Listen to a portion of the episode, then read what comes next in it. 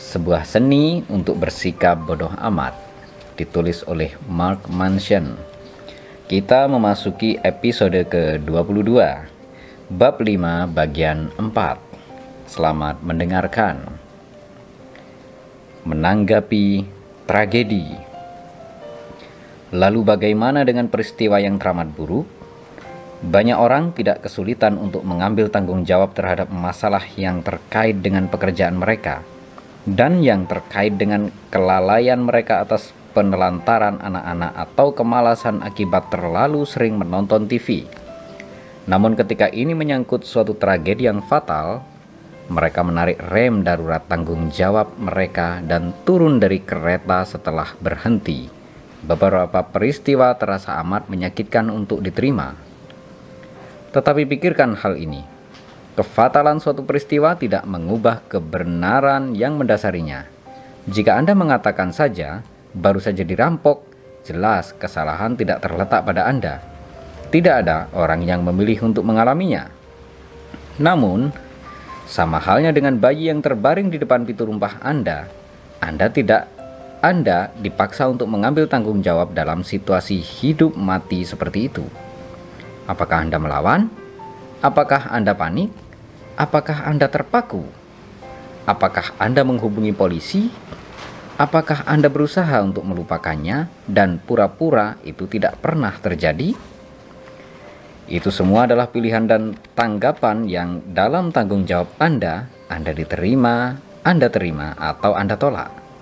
Anda tidak memilih untuk dirampok, namun tetap saja Anda bertanggung jawab untuk mengelola dampak emosional dan psikologis serta hukum dari pengalaman tersebut. Pada 2008, Taliban mengambil kendali lembah Swat, sebuah daerah terpencil di sebelah timur laut Pakistan. Mereka segera melaksanakan agenda ekstremis mereka.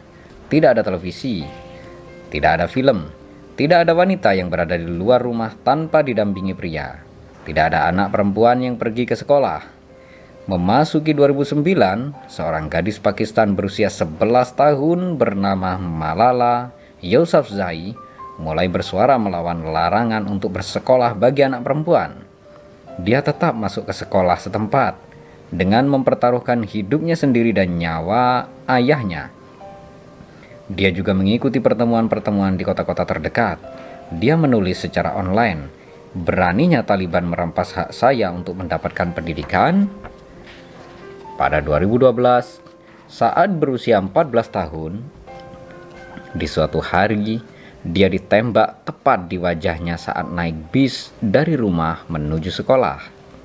Seorang tentara Taliban bertopeng dengan bersenjata laras panjang menaiki bus dan bertanya, "Mana Malala? Katakan, atau ku tembak semua orang di sini." Malala menunjukkan dirinya, sebuah pilihan yang menakjubkan. Lalu pria itu menembaknya di kepala di depan semua penumpang lainnya. Malala koma dan hampir meninggal dunia. Taliban mengancam di depan publik bahwa kalaupun dia selamat, mereka akan membunuhnya dan ayahnya. Hingga hari ini, Malala masih hidup dia masih berbicara dengan lantang melawan kekerasan dan tekanan terhadap para wanita di negara-negara Muslim, dan saat ini dia menjadi seorang penulis buku terlaris.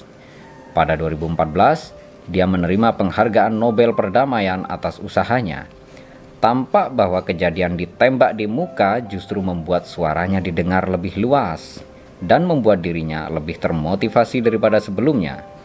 Akan mudah baginya untuk bersembunyi dan berkata, saya tidak bisa melakukan apa-apa atau saya tidak punya pilihan.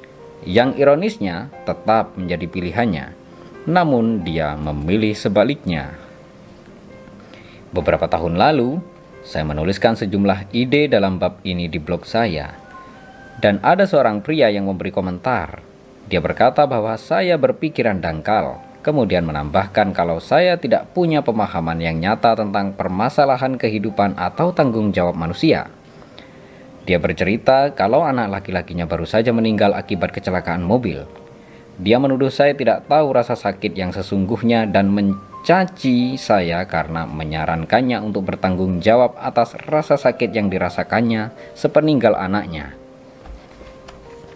Laki-laki ini jelas sekali merasakan penderitaan yang sangat besar dibandingkan dengan yang pernah dirasakan sebagian besar orang dalam hidup mereka.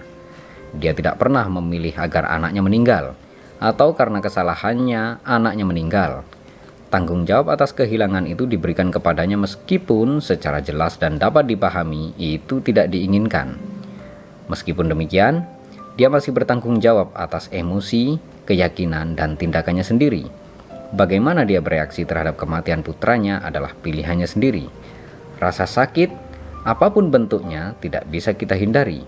Namun kita harus memutuskan apa maknanya bagi kita. Bahkan ketika mengklaim bahwa dia tidak punya pilihan dalam kejadian itu dan hanya ingin anaknya kembali, itu adalah sebuah pilihan. Salah satu pilihan yang diambilnya.